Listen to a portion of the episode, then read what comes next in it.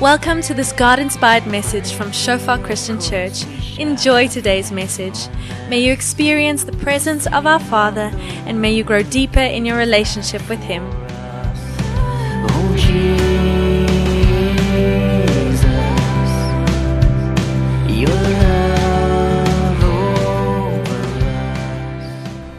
Ja Here, dankie vir u goedheid Vader. Dankie vir u teenwoordigheid Here. Dankie Here dat u standvastig is Vader. En ja Vader, as ons net na ons eie manier van dink en doen kyk Here. Partykeer dan voel ons nee, Jesus Here, hierdie keer het ons nou een keer een keer te veel Here misgevat Vader. Een keer te veel weer in daai sonde getrap Here. Een keer te veel weer hierdie ding gedoen Vader. En op daai punt Here, wanneer ook al ons dit dink Vader is is dit ons wat sê maar hieso sou ek op myself opgegee het. Hieso sou ek gesê het nee tot hier toe en nie verder nie. Maar dan kom Here en dan sê genade is nog steeds genoeg vir ons, Here. Ja, ons is nog steeds oop, Vader en hier roep ons nog steeds terug. En dankie vir u goedheid, Vader en ja Here, dankie dat ons weet dat sonder u genade, Vader, kom daar geen goeie ding uit ons lewens uit nie. Dis net u genade vir ons, Vader. En dankie dat ons vanoggend hier kan wees, Here, saam mekaar, Vader. Ons kom bid vanoggend, Here, dat Ja, ons ons harte net eerstens opreg sal oopmaak teenoor U, Here. U weet, Vader, wat in ons harte aangaan. U weet wat ons in ons in ons gedagtes aangaan, Here. U weet wat ons agtertoe deure doen, Vader. U is daar. En dankie dat ons volgende kan opreg wees met U, Here. Gaan nie oor om altyd reg te wees nie, maar opreg met U. En dankie vir dit in Jesus naam. Amen. So vanoggend is ons preektitel Jesus ons eerste liefde. Onthou en bekeer. So lyk my die Here wil hê ons moet bekeer vanoggend. Kyk, ons moet repent. As jy nie repent het teen die einde van die diens nie, repent omdat jy nie repent het nie. En dan gaan ons aan van daar af, maar die ding is nou seker dat die Here dit vir ons wil sê. Ehm um, en net in die seisoen ook waar deur ons gaan en die goeders waar deur ons gaan en wat gebeur om ons. Is daar een vraag wat ek vir ons vanoggend wil vra en een vraag wat ek wil hê ons moet antwoord. En dit is is deur als wat gebeur waar jy is, waarmee jy besig is, is Jesus nog jou eerste liefde? Is Jesus nog jou eerste liefde? Is hy nog steeds prioriteit? Is daar nog steeds 'n passie binne in jou om net by hom te wees, eenvoudig om by hom te wees? So eenvoudig soos dit. Die res van die goed vloei daar uit. Sien ek kan nie 'n liefdevolle verhouding met God hê maar nie liefde vir die mense om my hê nie. Ek kan nie 'n liefdevolle verhouding met God hê maar daar's wrywing tussen my vrou en ek's nie bereidwillig om haar te dien en te eer wat ek moet nie. Dit werk nie so nie. So dis die enigste ding wat ons vra moet vra, maar is hierdie ding in plek? Kyk, die ander goeders kan oukei okay lyk, maar dit vloei partykeer uit 'n verkeerde plek uit. Ons het partykeer daai mentaliteit dat as ek nou iets gedoen het of ek bietjie ver van God af is, dan moet ek myself weer regwerk met hom. As ek genoeg Bybel gelees het, genoeg kerk toe gekom het, genoeg gebid het dan dan hy nou weer tevrede met my, maar dan vloei dit uit 'n verkeerde plek uit.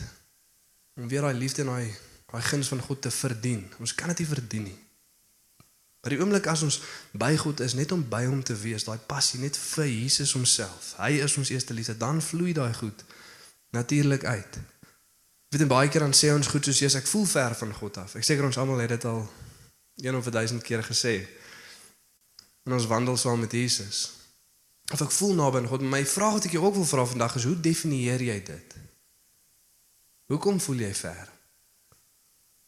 Of hoekom voel jy naby? Maar soos wat ek nou net gesê het, baie keer het ons die idee, daai half daai slaafmentaliteit. Jy weet as ek nou hard genoeg werk, dan het ek guns.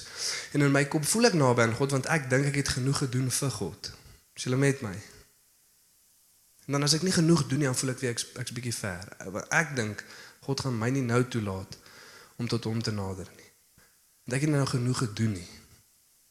So definieer jy of jy naby of of ver van God af is? Hoe werk dit?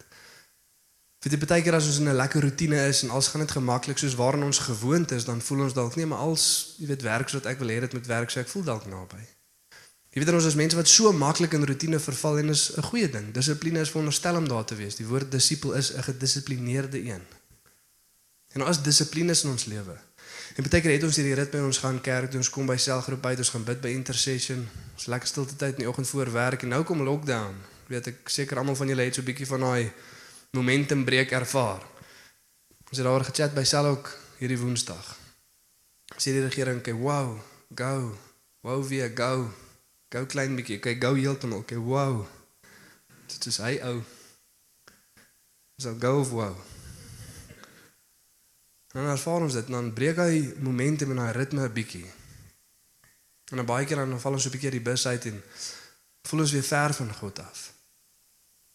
En 'n vraag wat ek net weer wil vra en dis die enigste ding wat ons moet antwoord is: Is Jesus jou eerste liefde? Is die teenwoordigheid van God nog 'n realiteit in jou lewe? Is dit 'n realiteit? Dis waarvoor ons werk, is hoekom Jesus gekom het, 'n realiteit. God se teenwoordigheid by ons. En ons gaan na twee stukke skrifte kyk primêrlik. Ons vier punte. Hooplik kan ons deur twee werk vandag en dan volgende week en werk ons deur nog twee. Die eerste stuk skrif is in Openbaring 2 van vers 1 tot 7. Se kerk in Efesiërs en haar eerste twee hoofstukke, hoofstuk 2 en hoofstuk 3, dan skryf Jesus aan hierdie sewe kerke briewe. Hy sê vir party van hulle wat hulle verkeerd doen, waarvan hulle moet bekeer. En vir twee van hulle, net twee, vir die kerk in Smyrna en Philadelphia, hulle doen goed. Hulle moet net endure, hulle moet net vashou, hulle moet net deurdruk. Maar dan skryf Jesus vir hulle briewe. En hierdie eerste kerk is besig met klomp goeie goed. Op die oog af lyk dit regtig great. Vang ons 'n bietjie onkant as daai vers 4 kom, ons gaan nou sien. En hulle het bietjie verdwaal van Jesus af. Hy's nie meer hulle eerste liefde nie. En dan die tweede stuk teks waarna ons gaan kyk is in Jeremia 2. Julle kan self daardeur gaan lees, julle tyd het hierdie week gaan doen asseblief dit van Jeremia 2 tot 5. En dit gee die prentjie van Israel wat heeltemal afvallig geraak het van die van die geloof. Hulle het weggedraai afgode begin aanbid en hulle is besig met letterlik elke ding wat hulle kan. In Hoofstuk 3 vers 5 en sê die Here elke bose ding wat julle kon doen, dit het julle gedoen. En nou is julle besig om nog uit te dink. Dis waar hulle is op die oomblik en ons 'n paar plekke en ek sê nie ons is daar vanoggend nie. Jy moet vir jouself die vraag vra, waar is ek? En as Jesus nog jou eerste liefde is, jou eerste prioriteit is en daai passie nog daar is, is die vraag wat jy jouself vra, okay, maar hoe maak ek seker dit bly so? Wat moet ek konstant onthou? Myself aan herinner sodat hy my eerste liefde bly. En as ons afgedwaal het, maak nie saak hoe ver nie, is die vraag, okay, maar waarvan moet ek bekeer? En wat moet ek weer onthou om Jesus my eerste liefde te kry? So kom ons lees lekker hierdeur en dan kyk ons wat ons kan leer. Openbaring 2 van vers 1 tot 7. Skryf aan die leraar van die gemeente in Efese. So sê hy wat die sewe sterre in sy regterhand vashou en wat tussen die sewe goue lampe rondgaan om net te verduidelik wat dit beteken die sewe sterre is die sewe engele van die kerke en die sewe lampe is die sewe kerke. En al wat Jesus besig is om te sê is ek is teenwoordig by my kerk. Jy sien die prentjie wat Johannes sien in Openbaring 1 is Jesus in sy volle glorie. In sy volle glorie, soveel so dat as Johannes hom sien dan val hy by sy voete neer soos 'n lijk. Totdat Jesus hom sê jy kan maar opstaan, moenie bang wees nie. Dis ek wat praat, oë wat gloei, stem wat klink soos druisende water, swaard wat uit sy mond uitkom, voete van brons. Jesus in al sy glorie. En Jesus sê ek is teenwoordig in my volheid by my kerke. As jy nie die volheid van God of die teenwoordigheid van God ervaar nie, is dit nie omdat hy nie teenwoordig is nie. Hy's nie die een wat homself terughou nie. Hy sê hy het homself teen volle kom gee, gesterf op die kruis heeltemal. Nie net bietjie nie. Maar hy's in, hy's hier, hy's teenwoordig. Wie jy sê is baie keer vir hom so snaaks om in 'n diens of in 'n plek waar jy besig is te kan sien en jy kan sien die een ou het so 'n ontmoeting met die Here en hy's so bewus van die Here se teenwoordigheid. Die ander ou sit en wonder wanneer is die diens klaar. Dis vreemd. In dieselfde plek. En dit gebeur baie keer met ons ook, maar Jesus sê hy is teenwoordig. En dan gaan dit verder. Ek weet alles wat julle doen. Ek ken julle onvermoeide arbeid en julle volharding. Julle kan nie slegte mense verdra nie. Julle het ondersoek ingestel na die mense wat voorgee dat hulle apostels is en dit nie is nie en gevind dat hulle leenaars is. Verder volhard julle ook. Julle het baie vir my naam verduur en julle het nie moeg geword nie. Maar ek het dit teen julle. Julle het my nie meer lief, so lief soos in die begin nie. Dink daaraan hoe ver julle al agteruit gegaan het. Bekeer julle en doen weer wat julle in die begin gedoen het.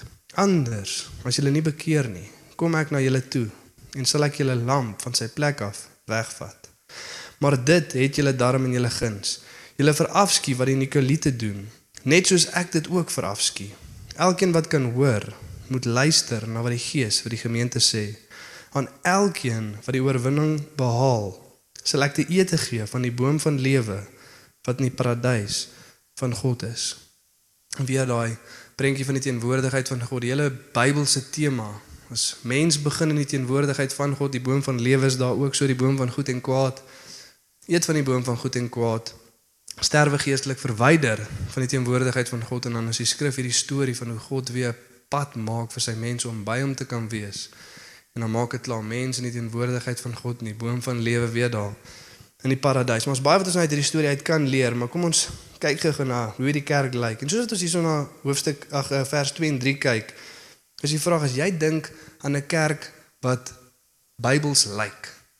Dit lyk asof hierdie kerk vrug dra, dit lyk of hierdie 'n goeie kerk is. Wat sê jy nog by die twee verse gevoeg het? Ek meen wat's wat's missing hierso? Dit sê die volgende. Ek weet alles wat julle doen.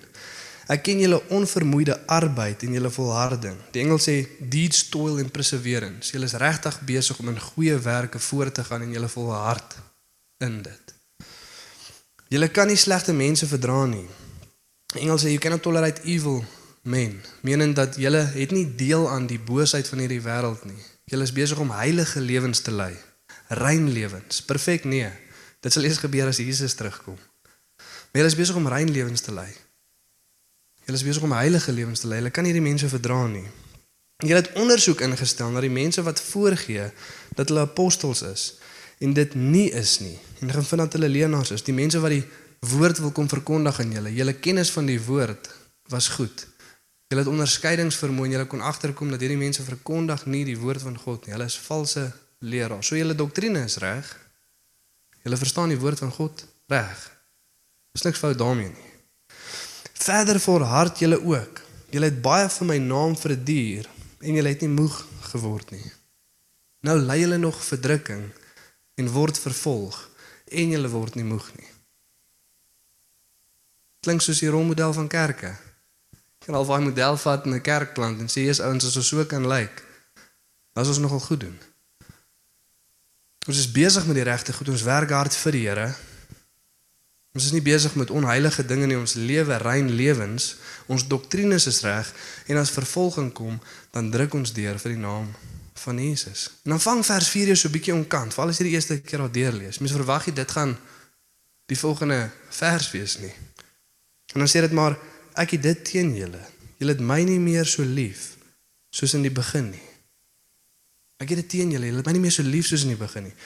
En dan sê Jesus, kyk wat gaan gebeur as hulle nie bekeer nie. Dink daaraan hoe ver jy al agteruit gegaan het. Bekeer julle en doen weer wat julle in die begin gedoen het. Anders as julle nie bekeer nie, kom ek na julle toe en ek sal julle lamp van sy plek af wegvat. En dit beteken twee goed. Jesus sê eerstens as jy nie terugdraai na my toe nie, dan verwyder ek my teenwoordigheid van jou af en jy is nie meer effektief soos 'n kerk soos wat jy moet wees nie. Jy het nie meer lig in jou nie. Jy is nie meer die sout en die lig van die wêreld nie. Ek verwyder my teenwoordigheid van jou. En dan tweedens, ek gaan na hele kerk kom verwyder. En dan lees ons in die jaar 300 na Christus en kom 'n paar manne hulle verwoes hy hele plek. Herbou weer maar so so 600 na Christus dan kom Islam en hulle breek al sewe daai kerke af. En daai plek is tot vandag toe nog meer as 90% Islam. Soos God sê ek gaan dit verwyder dan is hy ernstig. As jy nie self terugdraai na my toe nie, dan sal ek dit verwyder. Ons het as 'n selgroep die manne laas jaar einde laas jaar so 'n bietjie deur Openbaring gelees. Stefan sê, "Oké, het jy gesien wat met daai plekke gebeur? Kan jy dink hoe lyk dit nou?" Nou wonder jy, "Jesus, Here, maar dit klink nogal ernstig hierso. Net net oor dit." Ek meen hulle is nie besig met afgoderry nie. Hulle is nie besig met bose goed nie. Hulle is nie besig om valse leer te verkondig nie. Hulle is besig om deur te druk onder verdrukking. Hulle duins nie half terug as die verdrukking kom nie. Daar's net een ding wat fout is en dat Jesus is nie nommer 1 nie. En hy sê totdat ek nie nommer 1 is nie, dan verwyder ek hierdie kerk. En dis waar dit gaan en dink jy, "Jof." Nogal nogal wild. En dan volg Jesus deur met dit en dan doen hy dit. En weer eens die vraag wat ons vir onsself moet vra is: Waar is ons ons? In ons verhouding met God. En so wat ek laas keer ook gesê het, ons sê baie keer nie waar ek wil hê dit moet wees nie. Maar soos wat ons nou net ook gesien het, Jesus is nie die een wat terughou nie. So jou verhouding met God is presies waar jy wil hê dit moet wees. Dit kan op geen ander plek wees nie. Want as jy jou Bybel lees en jy gaan na hom toe dan is dit nie iemand wat hom gesteel het nie. Of as jy wil bid, dan is dit nie iemand wat jou mond toe druk nie. Of as jy wil gemeenskap hê sommer die gelowiges, dan is daar nie iemand wat jou hek gesluit en jy kan nie uit nie. Ons is die limiting factor, nie God nie. Hy hou nie terug nie, hy is daar in sy volheid. Waar is jy vandag? In jou verhouding met die Here. So kom ons kyk, waar waar moet ons vashou om Jesus ons eerste liefde te hou en wat moet ons onthou en van bekeer? As ons Jesus wie ons eerste liefde wil hê. So Jesus die volgende stuk in Jeremia 2 en in die begin dan sê Jesus presies dieselfde. Toe ons nog jonk verlief was, 'n jong bruid en 'n bruidegom, toe was ons lief vir mekaar en ons was daar vir mekaar, maar jy het afvallig geraak en jy het vir jou ander mense gaan soek waarop jy verlief kan raak. En dan in daai teks dan sê die Here, hoe goed draai ons nie ons rigting om liefde te soek nie. Hoe vinnig draai ons nie ons hart van God af weg as mens nie. Hoe vinnig gebeur dit nie. Maar dieselfde gebeur. En dan sê die Here hierso vir ons, hoekom dit gebeur. Ons het in Bybelskool geleer skrif interpreteer skrif. Daar waar dit gaan oor dieselfde ding kry ons bietjie meer duidelikheid oor wat ons kan leer daai. En dan hier sê die Here vir hulle, hier's twee goeters wat hulle gedoen het wat veroorsaak dat hulle hulle liefde vir God verloor het. Hier is die eerste een, Jeremia 2 vers 6. Dan sê die Here: Hulle het nie gevra waar is die Here wat ons uit Egipte land laat optrek het. Hy het ons deur die woestyn gelei, deur 'n droë wêreld vol slote, deur 'n dor land vol doodsgevaar, deur 'n land waar niemand trek en waarin geen mens woon nie. Met ander woorde, hulle het vergeet wat God vir hulle gedoen het. Hulle het nie gevra waar is God wat hierdie wonderlike ding in ons lewens kom doen het nie. En dan sê hy vir die vir die Israeliete voordat julle in die beloofde land ingaan. Onthou dat dit die Here julle God is wat hierdie land vir julle gegee het en onthou julle nageslagte daarvan. Nou nou dink jy dat jy by jou eie krag en jou eie wysheid hierdie land vir jouself gekry het. Hy waarsku, hy sê hierdie gaan gebeur, besop. En as jy lank daarin dan gebeur dit. En so wat ek en my vrou Adee lees ook die laaste ruk en sê sy ja, dit maak vir haar sin. Klink soos ons daai. Dis wat ons doen. En dan tweedens in vers 19 dan sê dit jou eie boosheid sal jou tugtig en jou af afkeerigheid sal jou straf. Weet dan en sien dat dit verkeerd en bitter is dat jy die Here jou God verlaat het en dat my vrees nie by jou is nie. Spreek die Here, die Here van die leerskare of die Here, die Here van die almagtige. Jy het vergeet wie ek is en wat ek vir jou kom doen het.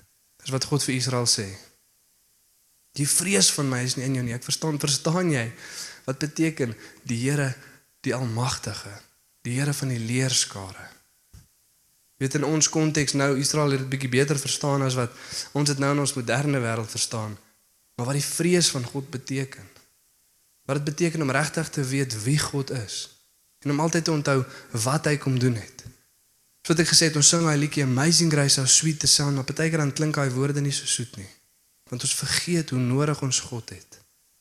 Ons dink iewers soos wat ons nou aanhou stap en al langer gered is dat ek het nou al iets toegevoeg tot my saligheid. Ek het nou al ietsie gebring na die tafel toe vir my verlossing. Ek het God nie meer so nodig nie. Maar sê hy Spurgeon sê ek het die genade van God meer vandag nodig as die eerste dag toe ek op hom geroep het. Want nou het ek 'n tendens om te vergeet dat ek God regtig kort. Ons voeg niks by nie. Jonathan Edwards sê die enigste ding wat ons toevoeg tot ons verlossing is die sonde wat dit nodig gemaak het. Niks anders nie. Dis al wat ons na die tafel toe bring. En partykeer doen ons eers ons doen nou regtig goed man uit ons eie uit. En dan skryf Paulus ek het beter gedoen as al die ander apostels. Ek het hulle verbygegaan. Ek het harder gewerk as almal van hulle. Tog nie ek nie maar die genade van God wat by my is. Dis die genade van God vir my. Die oomblik as ons hoor Jesus Christus het vir ons gesterf op die kruis en dit roer my nie. Is iets fout. So waar dit ja, ek het dit al gehoor. Ons moet op daai plek wees waar dit altyd ons harte breek. Die liefde van God vir my. Om op daai plek altyd te wees, laat ons altyd roer. Vat ons na punt nommer 1 toe. Onthou en bekeer. Onthou wie God is en wat hy gedoen het.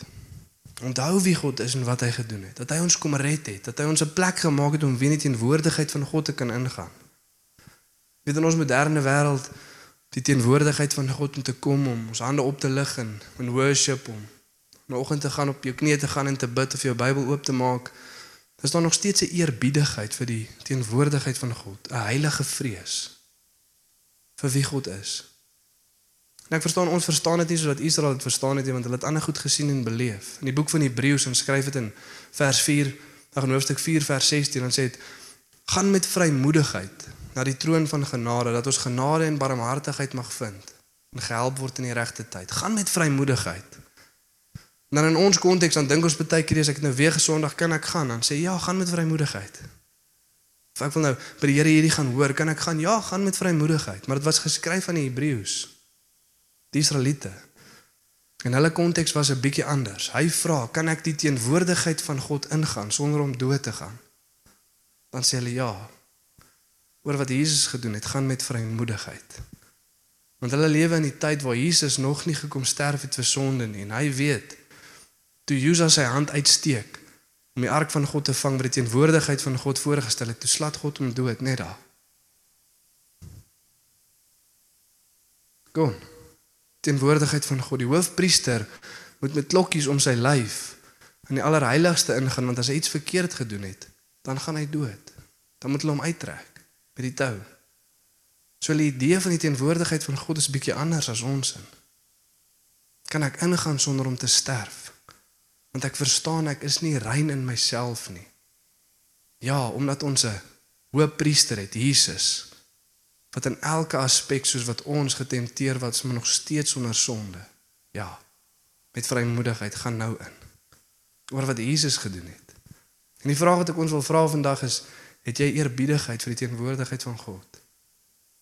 Is daar heilige vrees? Verstaan jy wie God is? Weet jy wat hy kom doen het? As jy nie het nie, bekeer en draai terug. En as jy het, onthou. Onthou wie God is, onthou wat hy kom doen het. Die Here van die leerskare, die Almagtige. Daar's niemand soos hy nie. sien in Israel wat hulle altyd gedoen het in die Ou Testament, hulle het altaars gebou. Lei die Here hulle deur die woestyn, lei die Here hulle deur die Jordaan en dan pak hulle 'n paar klippe daar en hulle bou 'n altaar. Jakob as God aan hom verskyn, dan bou hy 'n altaar en as hy weer daar verbygaan onthou hy wat God vir hom kom doen het. Ons moet baie keer nie dit doen nie. Seker Shane sal weet as 'n paar manne daar in die ongelukstonele was en hulle het dit gemaak en hulle wil 'n altaar bou, pak 'n paar klippe daar in die pad, gaan nie werk nie. Moenie gaan klippe pak in die pad nie asseblief. Maar onthou wat God gedoen het en wat is ons idee van 'n altaar wat opgerig is sodat ons kan onthou. Lukas 22 gaan gaan Jesus na sy disippels toe. Stel hy die nagmaal in. Doen hierdie en onthou wat ek vir julle kom doen het. In 1 Korintiërs is die Korintien kerk weer bietjie die pad byste raak en 'n paar snaakse goed begin doen. Dan skryf Paulus aan hulle. Sê vir hulle, gebruik die nagmaal, onthou. Do this in remembrance of me. Onthou wat Jesus kom doen het. Want die oomblik as jy uit lyn uit gaan met die boodskap van die evangelie, dis omdat jy vergeet het wie God is en wat hy kom doen het. Onthou wat God kom doen het. Hy het ons kom red om by hom te wees. En dan is die vraag maar hoe lyk 'n lewe in die teenwoordigheid van God? Die tweede ding waarna ons moet raak vandag. Een ding wat ons moet onthou is wie God is en wat hy kom doen het. Maar die tweede ding is maar hoe lyk 'n lewe in die teenwoordigheid van God? Hoe lyk 'n lewe wat God volg? Waartoe is ons geroep? Wat as ons dit vergeet? Dan draai ons ook bietjie af van Jesus af. Ons verloor daai liefde, ons verloor daai passie want ons het baie keer 'n wanpersepsie. Kyk wat skryf Jesus vir die kerk in Openbaring 2 vers 10. Dis die kerk in Smyrna. Hulle het geen klagte teen hulle nie. Daar's niks waarvan hulle moet bekeer nie. Alles is 100%. Niks fout nie. Hierdie mense is volkome besig om die wil van God te lewe en God is 100% teenwoordig met hierdie kerk. En kyk wat skryf hy vir hulle. Moenie bang wees vir wat julle alles gaan lei nie. Kyk, die duiwel gaan party van julle in die tronk laat gooi sodat julle in beproewing sal kom en julle sal 10 dae lank baie swaar kry klink rof, maar as 10 dae ons kan ons kan dalk deurdruk. Maar dan stop dit nie daar nie. Bly getrou tot die dood toe en ek sal julle die lewe as kroon gee. Dis maar, maar wag 'n bietjie. Hoe, hoe kan dit wees? Hoe's dit die wil van God vir 'n kerk wat volkome in sy wil loop, van niks moet bekeer nie? En God is teenwoordig met sy kerk. Hulle gaan doodgemaak word vir die naam van Jesus. Druk deur. Hou moed. Dan kan jouself in hulle skoene sit dink dalk jy's daar en jy's besig om God te volg met passie en Jesus is jou eerste liefde en jy's besig om deur te druk. En hier kom hierdie woord. Van julle gaan in die tronk gegooi word en van julle gaan sterf in die volgende 10 dae. Dan dink jy, "Jesus, Here, maar ek trou einde van die jaar." Kan ek nie eers trou nie? My my vrou is, is swanger. Ek wie gaan gaan dit ek of sy wees? Wie gaan dit nie maak nie? Die wil van God. Niks fout met hierdie kerkie. Niks waarvan hulle moet bekeer en God volkome teenwoordig. Maar vreemd, maar waar kry antwoorde van dit? Hoe hoe's dit moontlik? En as ons antwoord altyd gevind word in of wie Jesus is of wat hy kom doen het. Want as hy vir hierdie kerk skryf, dan skryf hy in vers 8 die woorde van die eerste en die laaste, die een wat gesterf het en lewe. Wat die sleutels het van die doderyk. Dis ek wat vir jou vra. Wees gehoorsaam tot die dood. En ek sal jou die lewe gee. Ek het my lewe vir jou neergelê. Sal jy nou dieselfde vir my doen? En ek sal jou die lewe as kroon gee. Sien partykeer lyk like die teenwoordigheid van God of die wil van God vir ons lewe nie soos wat ons dink nie. Ons het 'n ander idee. Ek sal nooit vergeet nie Karel Albertyn, een van Werner se vriende het en dink was eindig 2017 toe kom preek hy by ons.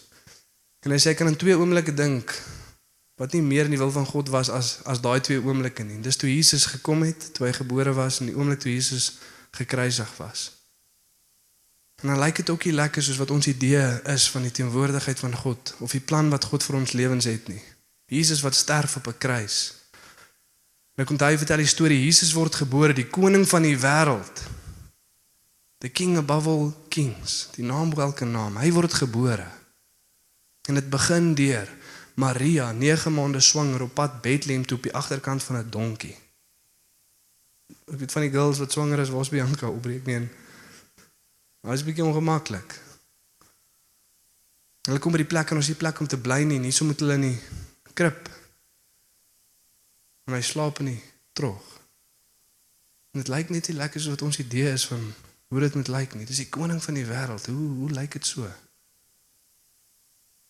En dan like ons hom. Psalm 23 aantal: Here is my herder, ek kom niks kort nie. Hy lei my langs kalm strome en waters en groene weivelde van rus. Dan sê dieselfde Psalm, hy vat my ook deur die vallei van die dood. En ek sit ook elke nou en dan in teenwoordigheid van my vyande. Maar tog loop my beker oor want die teenwoordigheid van God is by my. Dis wat dit bepaal of dit goed of sleg is. Psalm 73 gaan skryf Dawid en sê my voet het amper gegly. Ek het amper afvallig geraak. Ek het amper van God af weggedraai. En ek het myself gevra, hou ek my hande verniet rein? Want dit gaan sleg met my, maar kyk hoe goed gaan dit met die bose. Hulle besigheid floreer. Hulle is nooit siek nie, hulle kry nooit swaar nie. Hou ek my hande verniet rein? En dan sê hy maar toe hy ingaan by die teenwoordigheid van God, toe besef hy. Toe ek ingaan by die teenwoordigheid van God, toe besef ek wat die uiteinde van die bose is. Dan skryf Dawid in dieselfde Psalm, ek wil niks op aarde en in die hemel hê nie. Een ding en een ding alleen wil ek hê, dit is die Here my God. Hy is my porsie. Dis goed vir my om naby aan God te wees. Wat is jou idee van die teenwoordigheid van God? Hoe lyk God se plan vir jou lewe? Vat ons na punt nommer 2 toe. En ons geroep is. Onthou waarvoor ons geroep is. Paulus skryf 'n boek van die Tesalonie uh, vir vir die kerk in Tesalonika. Dan skryf hy en sê julle liefde julle geloof gaan julle vooruit. Almal vertel vir ons hoe vol geloof, hoe vol liefde julle vir almal is. Dan skryf hy maar julle die woord in baie swaar kry ontvang. En dan in hoofstuk 3 vers 4 dan skryf hy toe ons die woord van God aan julle verkondig het, het ons vir julle gesê dat vervolging is op pad. Die boodskap was nie die prosperity gospel nie. Ons het nie vir jou gesê glo in Jesus en al sal goed gaan nie. En al jou goedjies gaan genees word en jy weet voorspoed en genesing en gesondheid gaan jou net oorval nie. Dis nie wat ons vir julle gesê het nie. Ons het gesê as jy hierdie boodskap glo gaan vervolging kom. En dan in vers 6 dan sê en toe Timoteus terugkom, toe bring hy vir ons blye woorde dat dit nog goed gaan met julle en julle ons mis soos wat ons julle mis want julle het onthou waarvoor julle geroep is. Julle het onthou. Jesus sê as hulle my gehaat het, dan sal hulle jou ook haat. As hulle my vervolg het, gaan hulle jou ook vervolg. As hulle die koning van die huis gesê dat hy doen sy werke deur die koning van demone, wat gaan hulle van jou sê? Maar vervolging is seker. As ons regtig God volg. Hoe lyk jou idee van die teenwoordigheid van God? En as jy vir jouself sê nee, ek het gedink dat dit gaan net goed gaan en ek wonder altyd as God by my as dit sleg gaan, bekeer. Bekeer. Bring jou hart terug na God toe. Want baie keer dan wys dit ook vir ons die kondisie van ons hart. Ons kom na Jesus toe met vereistes. Jesus, Here, ek wil graag hierdie en as dit kan gebeur, as hierdie kan gebeur, jong, dit sal great wees. Dan kry ons dit dan ons weg. Ons het nooit regtig Jesus gesoek nie, maar wat hy kan gee. En Karel Albertyn het in homselfde preek wat hy kom preek het die vraag gevra. As jy nou vandag hier waar jy sit, hemel toe moet gaan en by God gaan wees vir ewig. Is daar iets wat by jou opkom wat sê, "Jesus, maar ek wil eers." Want daai ek wil eers is 'n idol waarvan ons moet bekeer en bely. En dit kan goeie goed wees. Here, ek wil eers trou, Here, ek wil eers kinders kry, Here, ek wil eers by my kinders se troue wees. Here, ek wil kyk of my kinders hier kies eendag. Dit kan goeie goed wees, maar as ons dit wil hê meer as ons God wil hê, dan is dit 'n idol. Dan moet ons bely en ons moet bekeer. En hoe bekeer ons? Hoe draai ons terug na God toe? Met 'n opregte hart. Dis al. Om vir God te sê, "Jesus, Here, ek verstaan dat U nie nou my eerste liefde nie, maar ek gaan môreoggend op my knieë gaan, ek gaan my woord oopmaak, ek gaan daai musiek aanstig, my hande in die lug sit en ek gaan die worship, Here. Maar terselfdertyd weet en dat as U nie my hart kom draai nie, dan draai hy nie. Maar ek bring op regte hart voor U, Vader. Ek weet ek het passies vir goed waarvoor ek nie moet hê nie.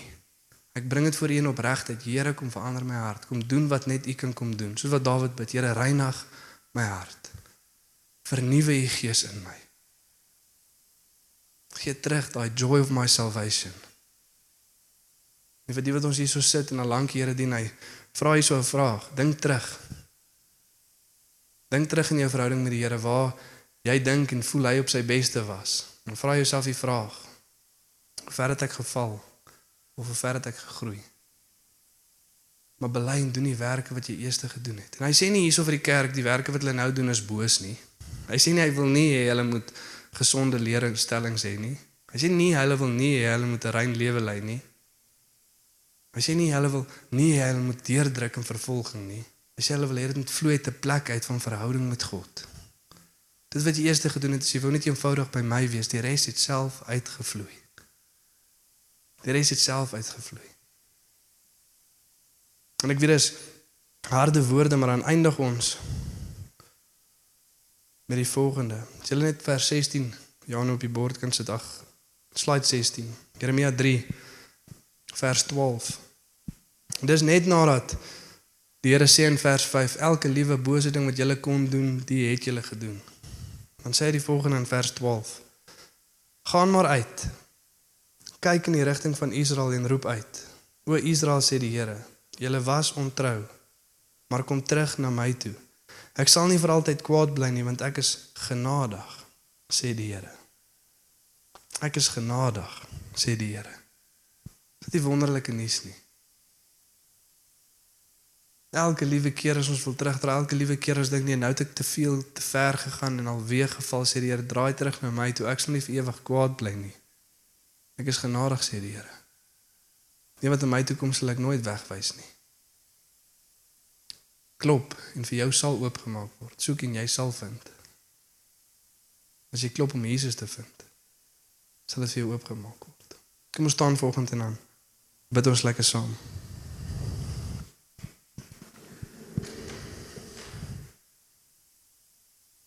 Ja Here, dankie Vader dat ons voor U kan kom volgende en Net die naam eerstens kom groot maak Vader en as 'n kerk om verklaar Here mag ons altyd onthou Vader wie U is Here en wat U kom doen het Vader.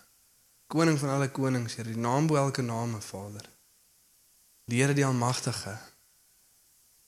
En Vader ons kom bid dat U ons opnuut Vader vrees vir U naam sal kom gee Here, soos wat Dawid ook bid Here. Gee my 'n vrees vir U naam Here.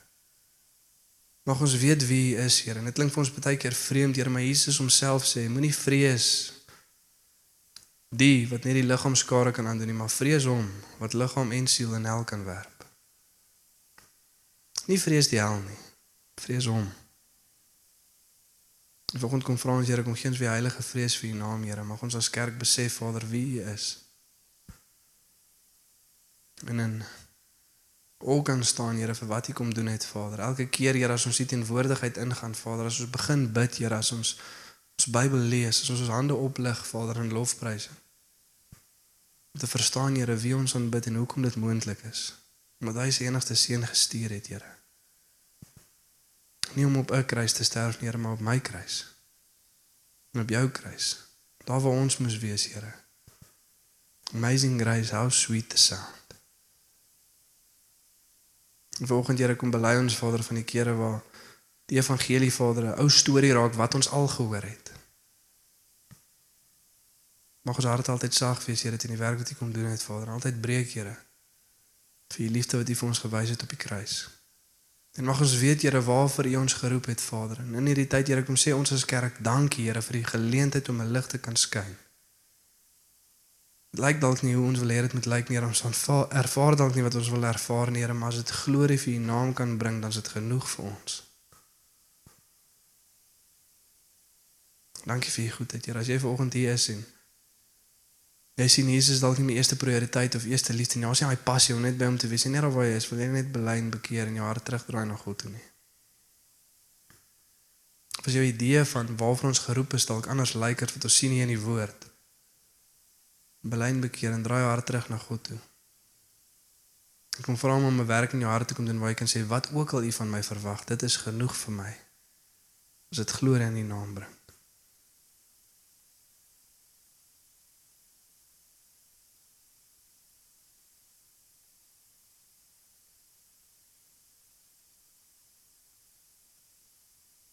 Ja Here, dankie vir u goedheid en u guns Vader. Dankie vir elke gebed Here wat opgaan in hierdie plek vanoggend Vader en Here, ek kom bid vir harte wat opreg is met u Vader. Opreg bid Here daar. Uh, reine hart voor u bring Vader. Ons kom vra Here om ons harte te kom terugdraai Vader om 'n werk te kom doen wat net u kan kom doen Vader. En vir elke liewe persoon Here wat sê Vader dat u is nog hulle eerste liefde Vader en u is is hulle alles Here en hulle is besig om te volg met passie Vader. Dankie vir dit want dit is ook net u Here en die genade vir ons wat ons op daai plek kan hou Here en daai plek kan bring. Dankie vir u goedheid Here en dankie vir u arms wat altyd oop is. In Jesus naam. Amen.